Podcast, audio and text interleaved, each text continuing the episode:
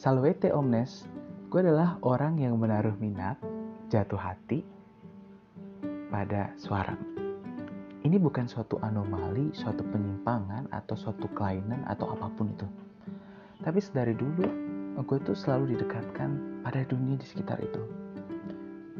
Gue pribadi berkeyakinan bahwa suara memang selalu menyampaikan suatu pesan atau hal tertentu. Tapi pada titik tertentu, ada satu hal yang tidak bisa sepenuhnya disampaikan suara. Apakah itu? Selamat mencari dan selamat mendengarkan.